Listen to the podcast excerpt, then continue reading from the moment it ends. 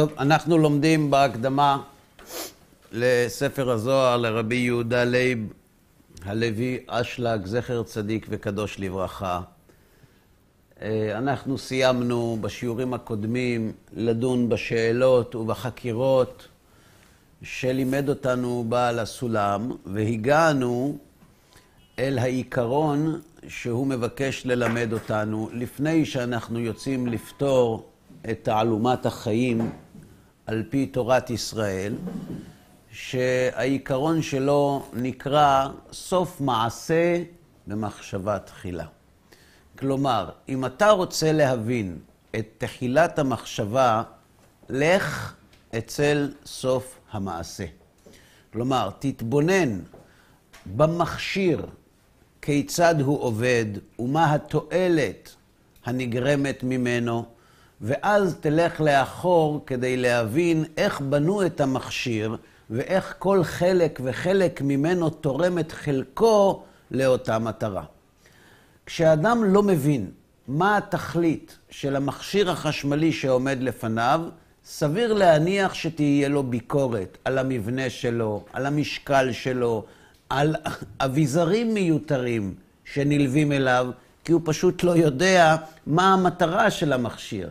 אבל ברגע שהאדם מבין, רואה את המכשיר בפעולה, הוא רואה כיצד הוא עובד, לפתע הוא מבין מה חשיבותו של כל פרט בכל התהליך של יצירת המציאות שאחראי עליה המכשיר, ואז הוא למד מכך את החוכמה שהושקעה בתכנונו של המכשיר. אותו דבר מבקש בעל הסולם ללמד אותנו לחשוב בדרך התכליתית הזאת כשאנחנו באים לדון על החיים. כשאנחנו מסתכלים על האדם ועל החיים, יש לנו המון ביקורת. המון ביקורת על איך שבני אדם מתנהלים, הרבה ביקורת על תכונות שאם היו שואלים, אני בטוח שגם אתם נשאלתם או, או תהיתם פעם, למה לא ברא הקדוש ברוך הוא את האדם מושלם? בשביל מה צריך את כל התהליך הזה? ועוד כהנה וכהנה שאלות מאותו המין והסוג. למה לא כך ולמה כך, והיה אפשר יותר טוב כך? ואלו הם שאלות של אדם שמתבונן על המכשיר לפני שהוא פתח את הקופסה. קודם כל, בואו נבדוק בואו בוא ננסה להעמיק, אומר בעל הסולם, מהו סוף המעשה. כי רק לאחר מכן נוכל לשקול בצורה מלומדת ומנומקת את חשיבותו של כל פרט ופרט. כלומר, בואו נבדוק מה תכלית הבריאה, ואז נבדוק אם מידת האכזריות תורמת לאותה תכלית, או היה אפשר לוותר עליה. האם מידת הרחמנות תורמת לאותה תכלית, או עליה היה אפשר לוותר. בשביל מה צריך שיהיה כוח בעולם? בשביל מה צריך שאנשים יבקשו לעצמם נכסים? מה, מה המטרה? היא למעשה השאלה שרק על פיה נוכל לבדוק לאחור את כלל המרכיבים. וזה מה שהוא מבקש ללמד אותנו. ובכדי להבין כל אלו השאלות והחקירות, תחבולה האחת היא להסתכל בסוף המעשה. כלומר, בתכלית הבריאה. כי אי אפשר להבין שום דבר באמצע מלאכתו, אלא מסופו. אנחנו יכולים לראות אומן שלוקח חומר גלם עצום ומשבר ומהרס אותו, ואתה שואל את עצמך, למה הוא עושה את הדבר הזה? כשאתה מגיע אל סוף המלאכה ורואה את היצירה שיצר בעל המלאכה מחומר הגלם שעבר תחת ידיו, אתה מבין את הגאונות ואת החוכמה ואת היופי שיש בכל פעולה ופעולה שהוא עשה. ולכן, קודם כל, לפני שאנחנו הולכים לאחור, אנחנו רצים עד הסוף אל סוף המעשה. שאלה פשוטה, לא מורכבת בכלל, אבל קשה מאוד. בשביל מה ברא האלוה יתברך את עולמו? לשם מה? רק כשנקבל תשובה לשאלה הזאת, נוכל לחקור בכל החקירות כולם. ויש פה יסוד חשוב מאוד, שיכול לתת לנו סדר בכל התיאוריות והפילוסופיות כולם. כשמישהו בא למכור לך אורח חיים כלשהו, אה, צורת חשיבה על החיים, אה, משנה פילוסופית מסודרת או לא, שאל אותו לפני שהוא פותח ומציג בפניך את מרכולתו, מה התכלית? אתה יודע? אם לא, אל תקשיבו לו. כי כל מי שמנסה להבין את המציאות בלי להציב את השאלה מהי חובתו בעולמו שמציב הרמח"ל, מהי תכלית הבריאה שמציב בעל הסולם, גם אם הוא יציג בפניך הסבר מרתק, ערכו כקליפת השום.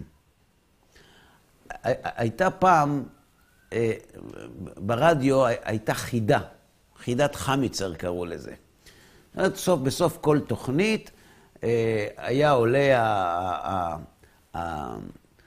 האיש שעיצב את החידה, המציא אותה, ומציג את החידה, ואנשים עולים, וכל מי שעונה והתשובה לא נכונה, אז הסכום של הזכייה עולה. ובמשך תקופות ארוכות אנשים היו עולים ונותנים תשובות, וזה היה הולך ומסתבך ומעמיק ונהיה מורכב יותר, עד שלפעמים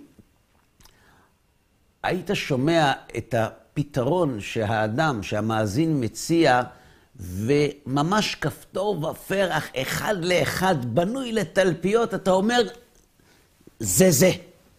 זאת התשובה, לא יכול להיות אחרת, זה פשוט... ואז הוא אומר לו, תשמע, האמת שהפתרון שלך הוא הרבה יותר מקורי משלי, אבל זה לא זה. כשאדם לא יודע מה המטרה, כל מה שהוא ישיג בשכלו הוא ספקולציה, הוא הערכה, הוא לשיטתו. אבל אמת, אמת יש רק אם יש מטרה, ודרכה אתה יכול להתבונן על המציאות. סוף מעשה במחשבה תחילה. לכן, אם מישהו יגיד לנו, לפי דעתי, אני חושב ש... מה המטרה? אין מטרה. לא יודע מהי? בסדר. יכול להיות שיש לך, יכול להיות, ש, יכול להיות שהמכשיר שלך הוא הכי נפלא בעולם. זה לא מה שאני מחפש. מה המטרה? וזה ברור שאין לך פועל בלי תכלית. אולי יש לכם מושג למה לפני שהוא מגלה לנו מה המטרה, הוא, הוא לפתע עוצר. זאת אומרת, הוא אומר לנו, תקשיב, אתה חייב לדעת מה המטרה, לפני שאתה יודע מה המטרה, אל תצעד שום צעד קדימה, רק מי שיסביר לך את המציאות לאור המטרה, תטה אוזן, תקשיב ותבחון את דבריו. ואז הוא אומר, וזה ברור שאין לך פועל בלי תכלית. למה הוא אומר את זה? אם אתה רוצה לדבר, דבר. למה, למה לעשות סיבוב? מה אתה אומר? שיבוא להציג בפניך רעיון, הוא יביא את התכלית שלו. בסדר, אז תבחון, אז תבחון האם התכלית שלו היא באמת נכונה או לא נכונה, מאיפה הוא יודע שזו התכלית. אבל, אבל למה הוא מביא את, ה, את המשפט הזה? וזה ברור לך שאין פועל בלי תכלית. תשובה. כי למעשה מה שבעל הסולם אומר לנו, מבוסס על הנחה, שיש תכלית. וכיוון שיש תכלית, לפני שאתה לא מגלה אותה, אל תמשיך לבדוק. וכאן מגיע הבן ושואל, ומי אמר לכבודו שיש תכלית? אולי אין. אתם מבינים? מי אמר שיש תכלית לבריאה? הייתה תאונה, אה? למה נוצרה הבריאה? נוצרה, אני יודע, לא יודע למה, סתם. הייתה תאונה. ולכן משיח, מה? האדם גם נוצר סתם, אתה אומר את זה ככה. נכון. אין משמעות לחיים. לחיים אין משמעות, אמר הפילוסוף, וגם לקביעה שלי לא. זהו. אין משמעות לכלום. הכל סתם. זה אומנם עולם מאוד מייאש, חסר תוחלת ותכלית, זה נכון. לכן רוב הפילוסופים הם אנשים מיואשים ומרירים. אבל, אבל אתה מציב, אתה קובע קביעה מאוד משמעותית. יש תכלית, תבדוק אותה. מי יספר לך שיש תכלית? מאיפה אתה יודע? לכן בעל הסולם עוצר כאן ואומר, וזה ברור שיש תכלית. מה, מאיפה זה כל כך ברור? כי רק מי שאינו שפוי בדעתו, תמצאהו פועל בלי תכלית. מה הוא רוצה להגיד בזה? אני צריך את העזרה שלכם. כל דבר יש לו מטרה. מי אמר לך? זה דברים שקורים סתם. מה זאת אומרת? בן אדם קם בבוקר, הולך לעבודה, יש לו מטרה, יש יש בן אדם שעושה סתם זה בן אדם לא שפוי. אה? בן אדם שעושה סתם דברים, הוא בן אדם לא שאין שפוי. לו מטרה, אז הוא לא שפוי, זה נכון. לא. להגיד- שכל מי שאיתן... כן. אין לו- ייעוד, אין לו- לו שום... אה, נהנה מהחיים, לא שום דבר. גם ליהנות ליהנות? מהחיים זה מהחיים. אה? לא גם ליהנות מהחיים זה. מהחיים. איזה תכלית? שאדם, שיטען שאין שום תכלית... מי שטוען שהעולם נוצר במקרה. בסדר? מפץ גדול, מרק אורגני, אבולוציה, 15 מיליארד שנה, מדינת ישראל. האם הוא יכול לייחס תכלית לתהליך? אתה אומר שלא. למה לא? כן. תהליך של מה? האם יש תכלית לכל, לכל התהליך ההתפתחותי הזה? לא. למה לא? כי אם לא כי אם הייתה... הכל התחיל בלי. סיבה, אז לא יכול להיות שבהמשך יהיה סיבה למשהו. למה, למה אתה חושב שלאירוע שאין סיבה לא יכולה להיות מטרה? אתה אומר טוב. כי אין מכוון. יפה. כדי לייחס מטרה לתהליך, צריך שתהיה תבונה מאחוריו. אם אין תבונה מאחורי האירוע, דהיינו, אם המפץ הגדול קרה כי הוא קרה, ואין שום תבונה שעומדת מאחוריו וגרמה להתרחשותו, אתה לא יכול לייחס כוונה לאירוע שאין מאחוריו תבונה, כי כוונה קשורה לתבונה. ולכן מי שטוען שהעולם נוצר בצורה אקראית, לא יכול לייחס תכלית לחיים. כי מעצם הטיעון של האקראיות, אין מטרה. מה זה ההפך ממקרה? תכנון. תכנון. מה ההבדל בין תכנון למקרה? הרי בשני, ה- בשני התרחישים מתרחש אותו דבר. נקודת הסוף. לא. שיש כוונה. בהתחלה אולי. ציפייה לדבר. תכנון דורש מתכנן, ומתכנן דורש תבונה.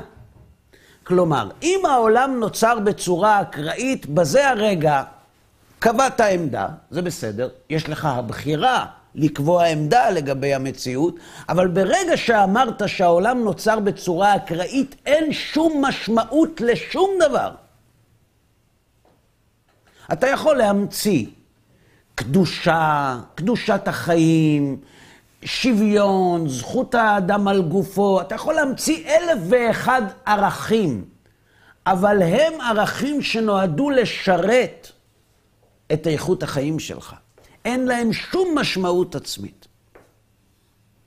לכן אומר בעל הסולם, אין לך פועל בלי תכלית.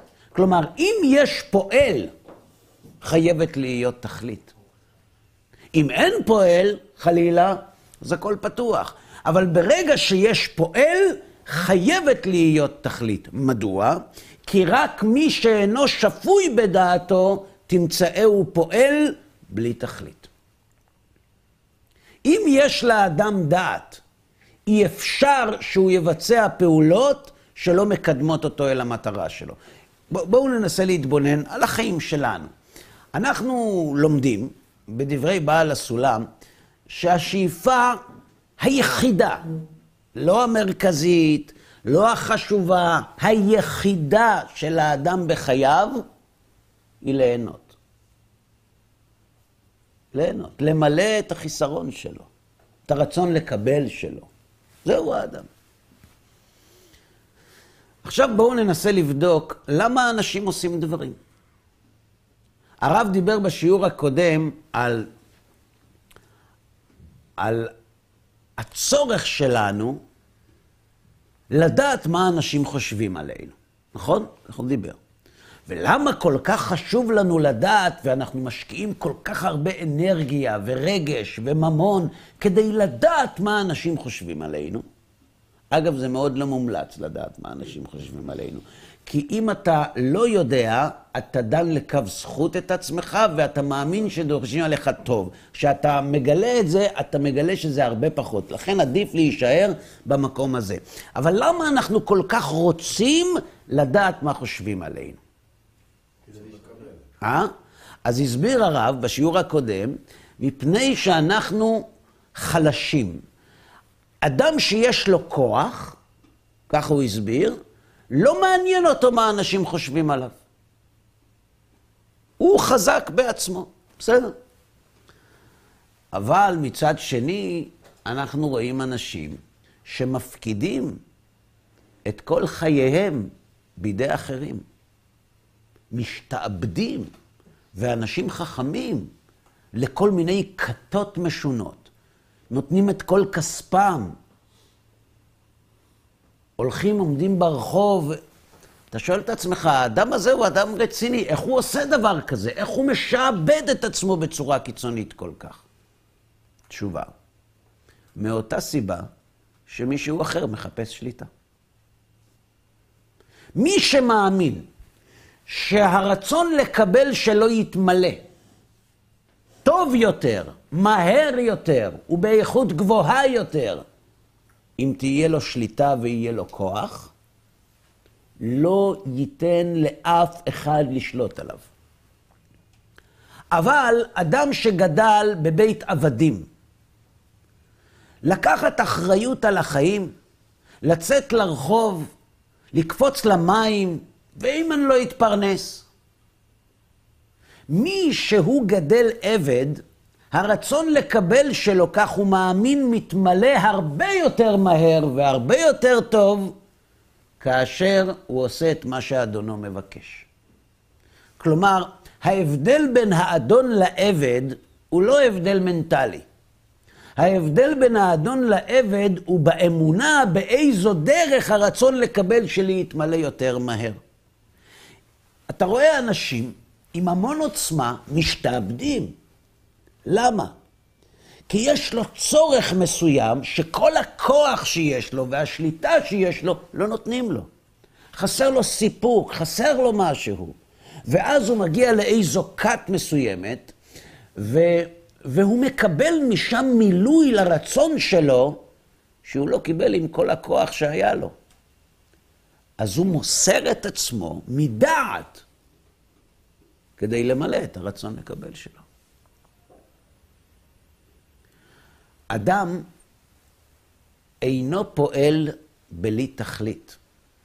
אנחנו חפצי תענוג, וכל הפעולות שאנחנו מבצעים, מטרתם הסופית היא ליהנות. אם תראו אדם שמבצע בעולם הזה פעולה שלא מרחיקה אותו מסבל ולא מקרבת אותו אל התענוג, הוא לא שפוי. כי הוא פועל בניגוד לתכלית שהוא הציב לעצמו. אני רוצה ליהנות. למה אנשים מתחתנים? הרי להתחתן זה סוג של בית סוהר. אתה לא יכול לקום מתי שאתה רוצה, אתה לא יכול ללכת לישון מתי שאתה רוצה, אתה לא יכול... אין דבר כזה לא זמין. תקנה עוד טלפון. מה זאת אומרת לא זמין? אתה צריך לתת דין וחשבון. עכשיו, הוא הרווק המושבע. זה שהטיף לכולם שאסור להשתעבד לאף אחד, הולך להיכנס לתוך משטר קפדני מאוד של דין וחשבון. אני, אני לא יכול להיות שכיר בחיים שלי, רק עצמי, אף אחד לא יגיד לי מה לעשות. חוץ מאשתי. אז הוא שכיר. הוא שכיר אצל אשתו. איך הוא עשה את זה? איך, מה, הוא, מה הוא חשב שיקרה? תשובה. הוא השתעבד. מדעת. אתם יודעים מדוע? הוא הצטרף לסוג של כת שנקראת נישואין. ולמה הוא עשה את זה? מסיבה פשוטה. כי הוא הסתובב עם החופש שלו ועם העוצמה שלו ועם השלטון שלו ועם הכוח שלו בכל העולם, ויום אחד הוא ראה איזו אישה שרק מלראות אותה, הוא הרגיש, קוראים לזה פרפרים. לא יודע מה עשו הפרפרים שקוראים לזה על שמם, אבל הוא, הוא, הוא, הוא מרגיש מילוי עצום, צבעוני, שהוא מעולם לא חווה. אז הוא אומר, מי צריך חופש עם בית סוהר כזה? אני זוכר, אני הייתי בכלא באר שבע, מהרבה שנים, בהרצאה כמובן. אני יודע שכולם דנים לכף זכות תמיד, בעיקר אנשים דתיים, אבל בסדר. עכשיו, הזמינו אותי לבוא, אני קפצתי על המציאה. למה? אני, כשהיו המלמדים שלי רוצים להפחיד אותי, אומרים, ניקח אותך לבית סוהר. יבוא שוטר, ייקח אותך לבית סוהר. היום אומרים שזה לא חינוכי. אבל זה עבד טוב דווקא. ויום אחד מתקשר אליי מישהו, הוא אומר, שמע, רוצה להזמין אותך להרצאה בכלא באר שבע. אני הייתי סקרן כל כך לראות את אותו מקום, ש... שכל הילדות שלי חששתי ממנו. כן. הגעתי לשם, נכנסתי פנימה, אני אגיד לכם את האמת, היה לא נעים בכלל.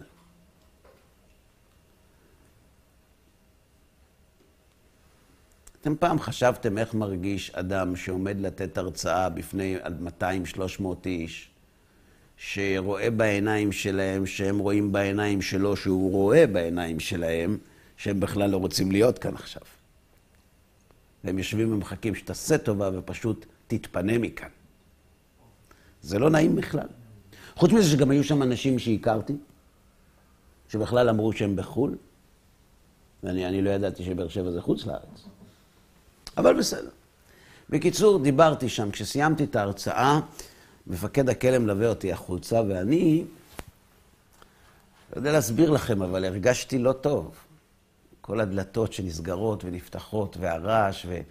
ועצם הידיעה שהאנשים שדיברת אליהם ויצרת איתם קשר, לא יכולים לצאת החוצה והם נשארים מאחור, זה, זה עושה הרגשה לא טובה. כנראה שהחברתי. אז מפקד הכלא אומר לי, כבוד הרב, אל תרחם עליהם. אמרתי לו, למה לא? אמר לי, מהרבה סיבות. קודם כל, הם נמצאים כאן בזכות. דבר שני, הם מאוד מאוד התאמצו כדי להגיע לכאן.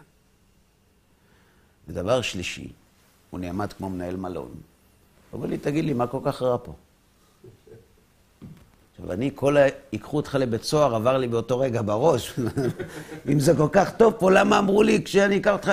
אני הרי לא התנהגתי טוב אז, כן? אומר לי, מה כל כך רע פה? זה לא מה שמספרים לכם בחוץ. יש שלוש ארוחות חמות ביום, יש בגדים על חשבון הבית, יש ניקוי חדרים, יש שולחן ביליארד, פינג פונג, כדורגל, יש, יש טלוויזיה בכל חדר, יש, יש אוניברסיטה פתוחה, יש... מה כל כך רע פה? יש עבודות חוץ, יש פנסיה משירות בתי הסוהר. כן. מה כל כך רע פה? אתה לא מאמין לי? הוא אומר לי, אני אתן לך דוגמה. ישב פה בן אדם שלוש שנים על שוד מזוין של סניף דואר באר שבע. מה אתה חושב, אדוני הרב, הוא עשה כשהוא השתחרר? אני אספר לך, הוא נסע לקניון בבאר שבע, פרץ שלוש מכוניות, נתן את הנקודת ציון למשטרה, שלא ייקח להם הרבה זמן למצוא אותו, הוא נכנס פה לעוד שנה. מה יש לו לחפש בחוץ? משפחה אין לו, ביטוח לאומי לא מכיר בו. מה יהיה כתוב בעיתון עוד שלושה ימים שאדם חסר בית קפא למוות על ספסל בשדרה בבאר שבע? פה יש לו חיים. לפני שהשתכנעתי, ברחתי משם. זה לקח לי זמן, אני מודה. לא, לא ביום אחד הגעתי לתובנה הזאת. אבל למה אנשים חוששים כל כך מבית סוהר? מעבר לביזיון, בית סוהר זה העונש הכי גדול שאפשר לתת לבעל הרצון לקבל, לנהנתן. כשאתה הורג נהנתן, הרגת אותו. אז בשנייה שלפני המוות הוא אומר, וואי, לא הצלחתי למלא את הרצון שלי, נגמר. אבל כשאתה מכניס בן אדם לבית סוהר, וקובע לו מה הוא יאכל ומה הוא ישתה ומתי הוא יישן ומתי הוא יקום ומתי הוא יתעמל ומתי הוא לא יזוז ומתי הוא יעמוד במסדר ומתי ומתי ומתי, אתה בעצם שולט על הברז של הרצון לקבל שלו. זה עונש נורא למי שמאמין שבחוץ הוא יכול למלא את הרצון שלו טוב יותר. אבל מי שהגיע למסקנה שהאהבה שלו נמצאת בבית סוהר, בשבילו צריך להפוך את הגדרות, כי הוא ינסה לפלוש פנימה. אנשים מתחתנים כי הם הגיעו למסקנה שחיי הרווקות החופשיים והלא מלחיצים והלעשות מה שאני רוצה, הביאו אותי למדרגה חמש בסולם התענוג, לא יותר מזה. מלראות אותה, הוא בשבע. ההפרש הזה בין החמש המוכר לשבע, קוראים לו פרפרים. ואז הוא אומר, מי צריך חופש אם בצוהר כזה? ואז הוא נכנס, וזה נגמר. והוא נשאר עם הגדרות, והאהבה מתה, ואז הוא מתגרש. כי הרי למה הוא נכנס לבית סוהר? כי הוא האמין שיהיה לו שם טוב. אם לא טוב שם, כבר עדיף בחוץ. מה שאנחנו עושים הוא מתוך חשבון, או בריחה מסבל, או רדיפה אחר תענוג. למה האדם אחרי צבא מחליט לנסוע לדרום אמריקה ולא ללכת לאוניברסיטה? למה? הרי הוא רוצה ללמוד.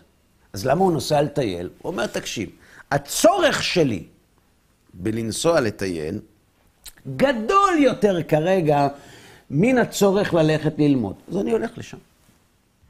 ברירת המחדל, כך כותב בעל הסולם במאמר החירות, ברירת המחדל של האדם זה עונג או סבל. זה לברוח מסבל ולרדוף אחר תענוג. עכשיו, כל פעולה שהוא מבצע נועדה או להציל אותו מן הסבל, או לקדם אותו אל התענוג. ובשביל זה צריך דעת. רגע, רגע, רגע. בשביל זה צריך דעת. למה?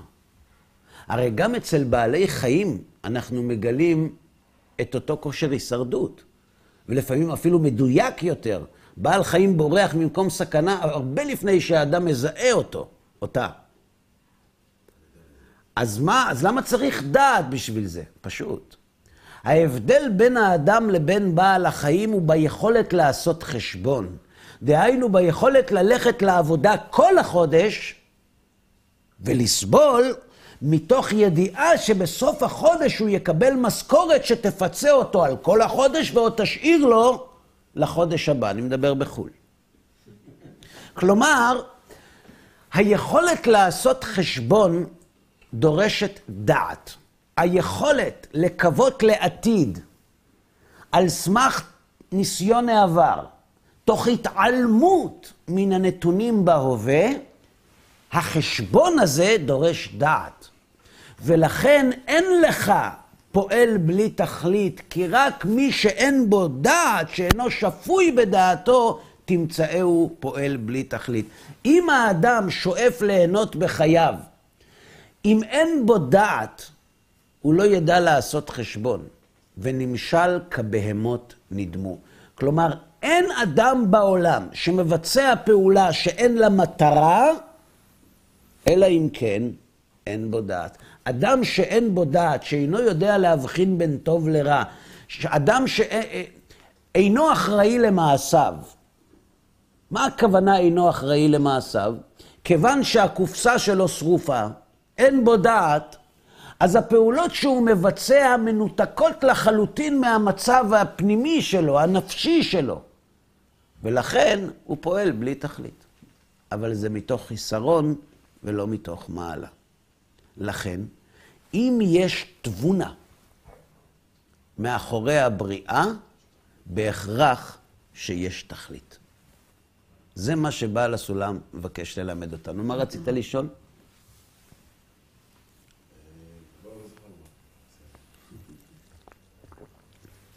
בעצם זה שלנו יש תבונה, זה מראה שלפחות בהתחלה היה מישהו שנתן את התבונה הזאת. כי השאלה, כלום יש לך נותן מה שאין בו, אז אם בנו יש תבונה, גם. גם זה נכון, גם זה נכון, גם זה נכון. עכשיו אתם מבינים למה הוא מבקש קודם כל לתת לנו את ההבנה שחייבת להיות תכלית.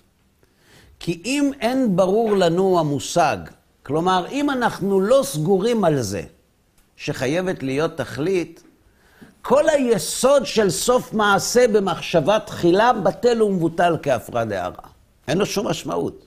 דע לך, אם אתה רוצה להבין את החיים, אתה רוצה להבין את המציאות, קודם כל תסתכל על סוף המעשה. למה תסתכל על סוף המעשה? תסתכל על התכלית, תלמד על כל התהליך. סליחה, כבוד הרב, מי אמר שיש תכלית? תלוי. העולם נוצר בצורה אקראית? לא? או יופי. אז יש מתכנן? אם יש מתכנן, חייבת להיות תכלית. אמר לך, ברור. למה הוא מתעקש על זה? כי הוא יודע שאנחנו נחפש ברב גוגל, ואנחנו נגלה שיש אנשים שטוענים שיש בורא, אבל אין תכלית. עד עכשיו למדנו שיש שתי אסכולות, האקראית והמתוכננת. באקראית אין מטרה, במתוכננת חייבת להיות מטרה. ואז יום אחד אנחנו נצא לרחוב, ונגלה אנשים שאומרים, כן, יש בורא, בוודאי העולם לא נוצר מעצמו, אבל אין תכלית. ואנחנו נתבלבל. לא נדע מה לענות, לא, לא מכירים חיה כזאת. אז הוא אומר, אני כותב לך את הדברים כדי שכשתפגוש אותם, לא תינזק מהם. ותראו איך הוא כותב את זה. ויודע אני שיש מתחכמים פורקי עול תורה ומצוות, שאומרים שהבורא יתברך ברא את כל המציאות ועזב אותה לנפשה. זה אריסטו, אבל אריסטו הוא לא פורק עול תורה ומצוות. פורקי עול תורה ומצוות לא יכולים לעשות תהליך קיצוני. רבי חיים ויטל, עליו השלום, תלמידו של הארי, מלמד אותנו בספר עץ חיים, שבין כל מימד למימד במציאות יש ממוצע. זה, החוק הזה מגיע מן העולמות הרוחניים, אבל הוא אומר, אם תסתכל בעולם שלנו, שהוא העתק של העולמות הרוחניים, תראה שבין דומם לצומח יש אלמוגים. ובין צומח לחי יש צמחים טורפים. ובין uh, חי למדבר יש אנשים, אה, סליחה, יש קופים. זאת אומרת, יש, אתה רואה שיש תהליך. גם בדעות אין שחור לבן. יש הממוצע. עכשיו, מי שהיה שומר תורה ומצוות, אפשר לראות את זה אצל אנשים שעזבו את דרך התורה. היום, בדור שלנו. אני נפגש עם, עם, עם, עם בחורים כאלה, ואני שואל אותו, תגיד, טוב לך איפה שאתה נמצא? רוצה לדעת. עזבת, לא היה לך טוב, טוב לך איפה שאתה נמצא? אומר לי, לא. לא טוב לי. ואני מאמין לו.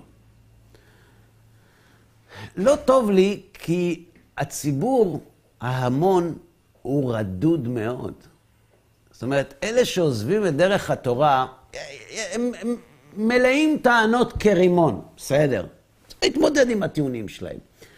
אבל הם באים ממקום שבו למדו, שבו העמיקו, שבו חשבו. וכשהם יוצאים החוצה אל הנוצץ, שהם חשבו שכל כך נפלא שם, הם מגלים שם, תסלחו לי, ריקנות. לא אצל כולם. יש אנשים מתבוננים וחושבים, אבל אני מדבר על ההמון. הוא רדוד מאוד. ואז הוא מסתכל, ו... והוא לא יכול ללכת לשם, כי... מה אני מחליף במה? כי אותי, כי אותי עזבו מקור מים חיים את השם. וילכו לחצוב להם בורות נשברים אשר לא יכילו המים. אז הם, לא כולם, אפשר לדבר בהכללה, אבל לא מעטים, אה, מתקבצים בינם לבין עצמם. לא פה ולא שם. יש הממוצע. כלומר, אדם, אדם ש, שעסק בתורה, שהעמיק בתורה, ופרק מעליו עול, מכל מיני סיבות. עסקנו בכך כבר הרבה פעמים, מהרבה סיבות. התורה לא הזינה את כל חלקי האישיות שלו. נניח, דוגמה אחת. כשהוא פורק עול, הוא לא נהיה כופר מוחלט. הוא קודם כל אומר, תראה, ודאי שיש בורא לעולם, אבל הוא לא משגיח על מה שקורה כאן. ואיך הוא, על מי הוא נסמך, באיזה אילן הוא נתלה, אז אמרת, באריסטו. יש עוד הרבה, אבל אריסטו זה גם נשמע יווני וגם עתיק מאוד, זה, זה מוכר. אריסטוטלי. ויודע אני שיש מתחכמים פורקי עול תורה ומצוות, שאומרים שהבורא יתברך, ברא כל המציאות. בוודאי שחייב להיות מתכנן למה שאנחנו רואים כאן. הסתכלתי בעדשה והגעתי למסקנה שאין סיכוי שהעסק הזה נוצר מעצמו.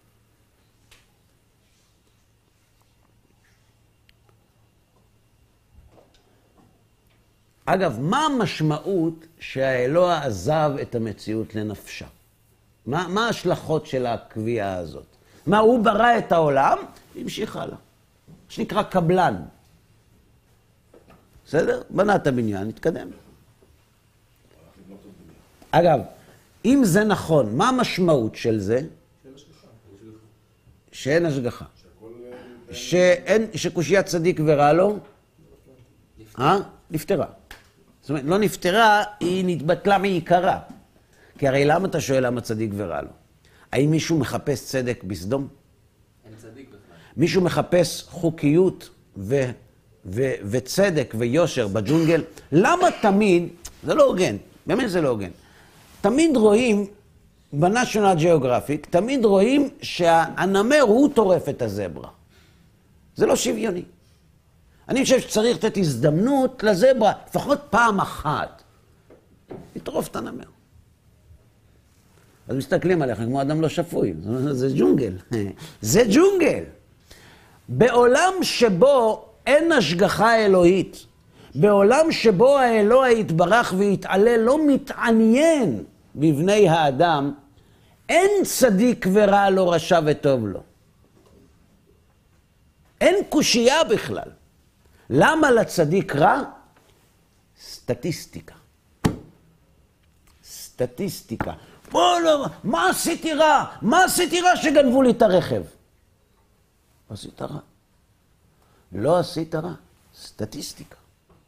יש סטטיסטיקה. הסטטיסטיקה קובעת ש-40 אלף כלי רכב יועברו כמתנה לרשות הפלסטינאית מדי שנה, ועל סמך זה אנחנו בונים את הפרמיה שאתה משלם.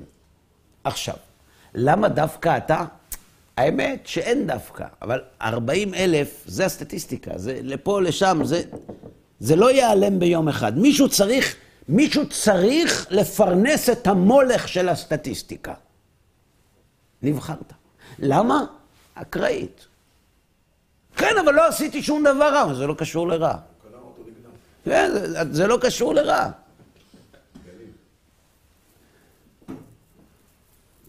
אם האלוה עזב את הבריאה לנפשה, אין השגחה פרטית, אין שכר ועונש, אין משמעות כלשהי למעשי בני האדם.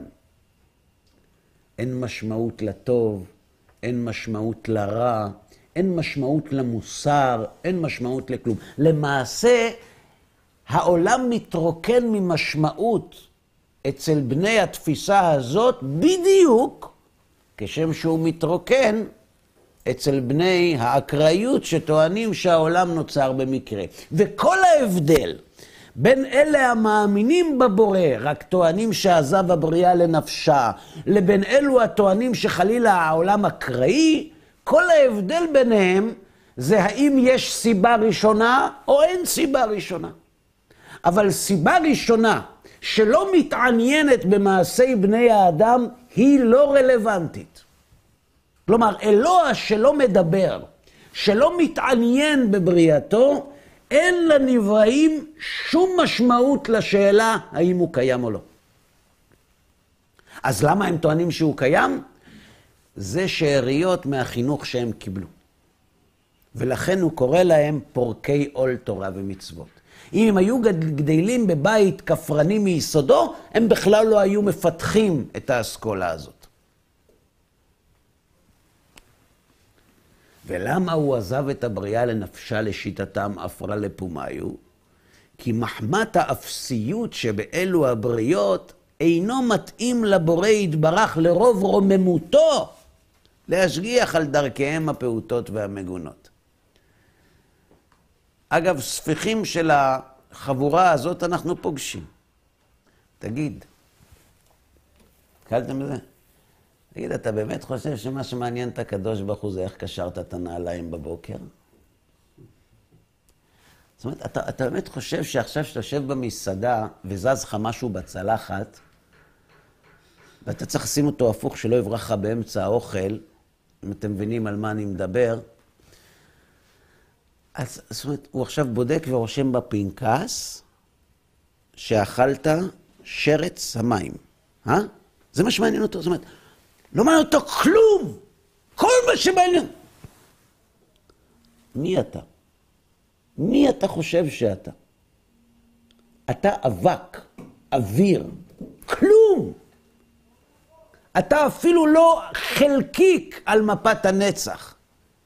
ואתה ברוב חוצפתך מטריד את מנוחתו של נצח הנצחים, וכל מה שמעניין אותו זה מה שאתה עושה? טוב, אז הם לא אומרים את זה בצורה כזאת. הם אומרים, תגיד, אכפת, אתה חושב שאכפת לקדוש ברוך הוא אם נסעתי בשבת או לא? אם הדלקתי מזגן או לא? אם אכלתי בשר עם חלב, בשר בלי חלב? למה אתם מקטינים את הקדוש ברוך הוא? הם מקטינים אותו. הם עושים אותו גננת. מה התשובה, לפני שנראה את התשובה של בעל הסולם, מה התשובה שאנחנו אמורים להשיב לאדם כזה? אתה צודק. זה באמת לא מתאים לו. זה באמת לא מתאים לקדוש ברוך הוא להתעסק בקטנות האלה, באמת שלא. באמת שלא, אתה צודק. אגב, אפשר שאלה? תגיד, בשביל אין סוף, מה יותר קטן? להתעניין לך בצלחת או לברוא את הגלקסיות? מה יותר קטן בשבילו? אה? אותו דבר. אותו דבר? זאת אומרת אותו דבר, אבל זה גלקסיות. זה עולמות. אין סוף, אין סוף, זה אין סוף. זאת אומרת שביחס לאין סוף, לברוא את העולם, זה מה זה קטן עליו? אתה באמת חושב שאתה טורד את מנוחתו של האלוה האינסופי כדי לייחס לו את הבריאה של העולם הזה? תגיד לי, אתה לא מתבייש? בשביל הקדוש ברוך הוא להתעניין בך בצלחת, או לברוא את העולם, זה אותו דבר. ואם אתה מסכים שהוא ברא את העולם, אז אתה כבר מסכים שהאלוה, יש לו אהבה לפרטים הקטנים. אז למה שידלג לך על הצלחת? אתם מבינים את הסתירה שבטיעון המופרך הזה? מי שאומר שלאלוה לא מתאים להתעסק בדברים קטנים, לא יכול מצד שני להחזיק בטענה שהוא ברא את העולם. כי בריאת העולם ואיך קשרת את הנעליים בשביל האלוה זה אותו דבר, שניהם קטנים. כן, בבקשה. אם כן העולם הוא אינסופי. אה? אם, העולם הוא אינסופי, אז אה, יש טענה, כאילו, יש פה טענה. אם עולם אינסופי, אז זה הרבה יותר גדול, זה כן סמכות. העולם לא אינסופי, הוא נברא. טוען? אה, אתה מדבר על, על, על אלה שטוענים שהעולם הוא קדמון. ודאי, אלה שטוענים שהעולם הוא קדמון, זה נפלא, אבל התקדמנו מאז. כן, כן. כן, בבקשה. זה עוד גדול, אה, שאתה אוכל שרץ או משהו, אבל נניח. מעניין את הקדוש ברוך הוא שעכשיו אתה סוחט אה, סמרטוט בשבת, או דברים קטנים יחסית. אתה מדבר על הסמרטוט, על הנייר טואלט בשבת אתה כן, על מדבר. הדברים הקטנים שאני יודע מה להשיב לאשתי. לא הסרט. טוב, פה זה כבר עניין של שלום בית, זה צריך להתייחס ברצינות. אתה אומר, הוא רוצה לדעת את זה כתוב, כאילו, איפה זה כתוב? שבתורה, שאסור לקרוא את. זו שאלה אחרת. צריך לחלק. נייר טואלט זה עסק מורכב. צריך, צריך, צריך לחלק.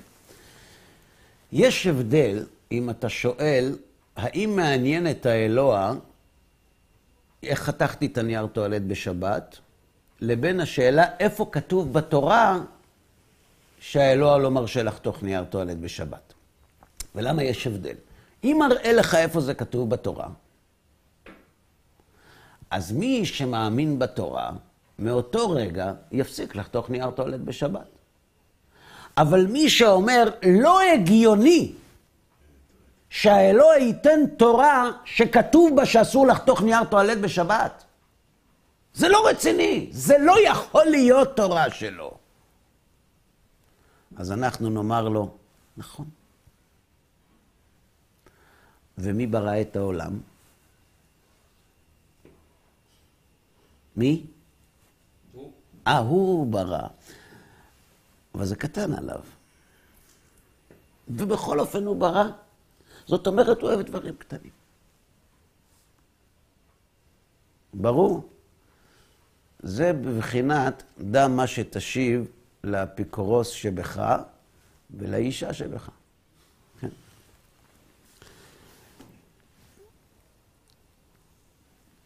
ויודע אני שיש מתחכמים פורקי עול תורה ומצוות שאומרים שהבורא יתברך ברא כל המציאות ועזב אותה לנפשה. כי מחמת האפסיות שבאלו הבריות אינו מתאים לבורא יתברך לרוב רוממותו להשגיח על דרכיהן הפעוטות והמגונות. תסתכל, מה זה בן אדם? מחריבי עולם. זה מה שמעניין את הקדוש ברוך הוא, היצורים האלה.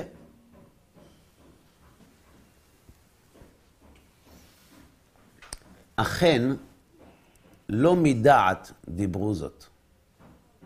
כי לא ייתכן, תקשיבו טוב, כי לא ייתכן להחליט על שפלותנו ואפסותנו, מטרם שנחליט שאנחנו עשינו עצמנו. פירוש.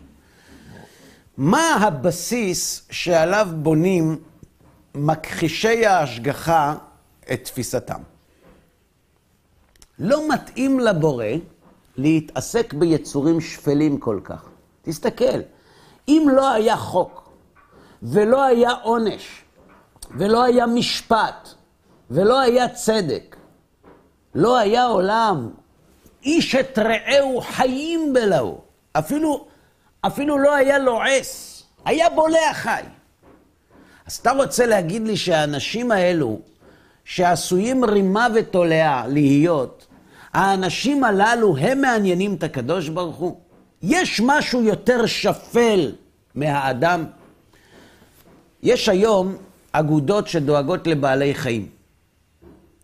דואגות לבעלי חיים אפילו יותר מאשר לבני אדם. עשו מחקר בבריטניה, התפרסם לפני שלושה שבועות. קראת אותו? יפה. התפרסם מחקר, עשו ניסוי כזה, פרסמו הודעה שיש כלב שצריך ניתוח, וזקוקים לתרומה. אנשים התקשרו, רשמו כמה אנשים התקשרו וכמה תרמו. לאחר מכן אמרו שיש תינוק שצריך לניתוח, זהה. ורשמו כמה התקשרו וכמה תרמו. מבוגר, הרב. ומבוגר היה הכי גרוע. הכי גרוע. הכי גרוע, נכון. המבוגר לא הזכרתי. כי בכלל 200 מנה, כן. יותר גרוע מהכלב. עכשיו, מה גורם, מה גורם לאנשים לדאוג לבעלי חיים זה דבר נפלא. אבל מה גורם לאנשים לקיצוניות הזאת? אתם יודעים מה? הרוע שיש בבני אדם. הרוע שיש בבני אדם. כי לא כל מי שמבקשים בשבילו כסף הוא באמת צריך, יש אנשים רמאים.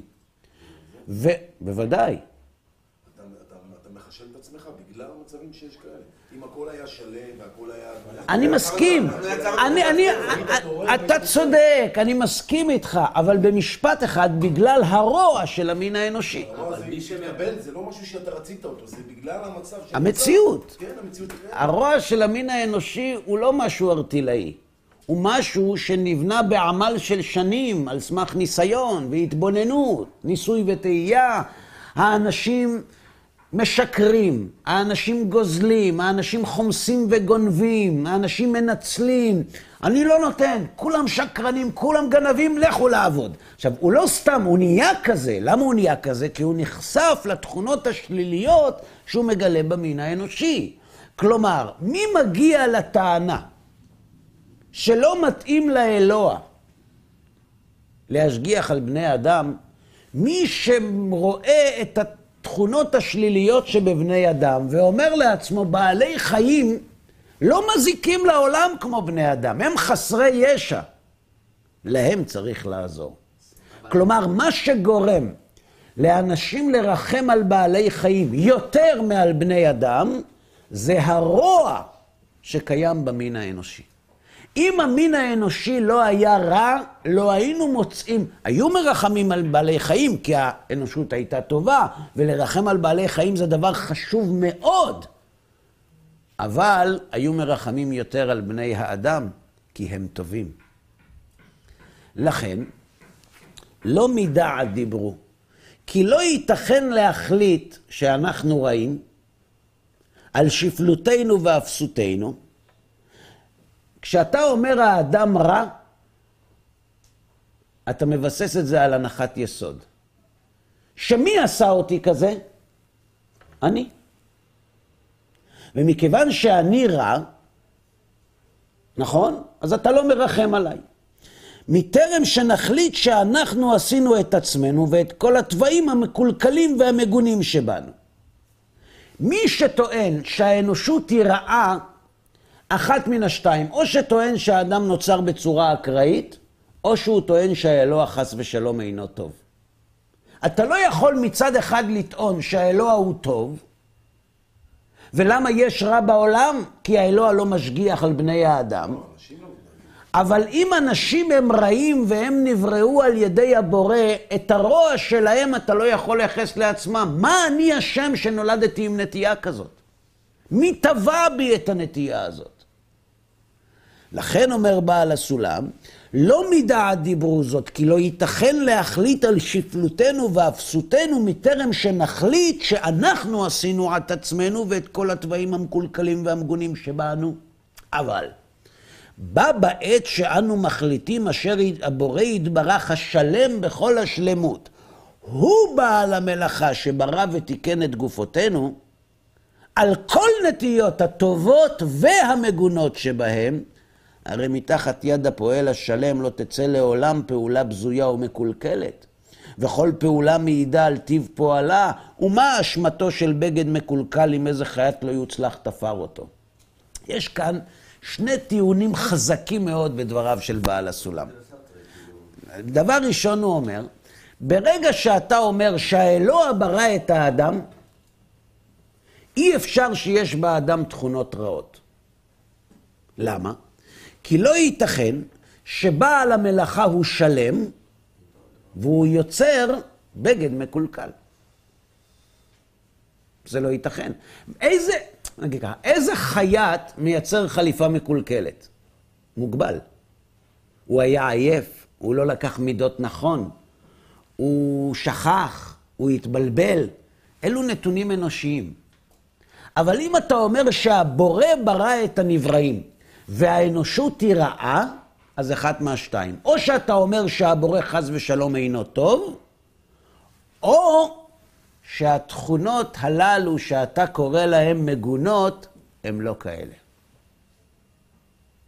בכל מקרה, אתה לא יכול לטעון שבגלל התכונות הרעות שיש במין האנושי, האלוה עזב אותם. מדוע? כי הוא עשה את זה. ואם הוא עשה את זה, האם זה מוסרי לייצר בריות מקולקלות ולהזניח אותם לנפשם? מה שבעל הסולם מבקש להגיד לנו כאן, זה שאלה שטוענים שבגלל התכונות הרעות הקדוש ברוך הוא עזב אותנו, זהו טיעון הרבה פחות חזק מהטיעון שהבורא יתברך לא בורא בריות מקולקלות, ואם כן ברא, יש בזה טוב, וגם אם אין, מבחינה מוסרית, הוא לא יעזוב אותנו. ולכן, איך שלא תסתכל על התמונה, הטיעון שיש בורא ואין תכלית, לא מתחיל. או מצד הקטן והגדול שדיברנו קודם, או מן הצד המוסרי והערכי שאנחנו מדברים עליו עכשיו. ולכן, אומר בעל הסולם, אין לך פועל בלי תכלית, כי רק מי שאינו שפוי בדעתו, תמצאהו פועל בלי תכלית. זה היסוד החשוב שצריך ללמוד לפני שיוצאים לטור אחר הפתרונות לחקירות ולשאלות שבעל הסולם הציג. עד כאן להיום.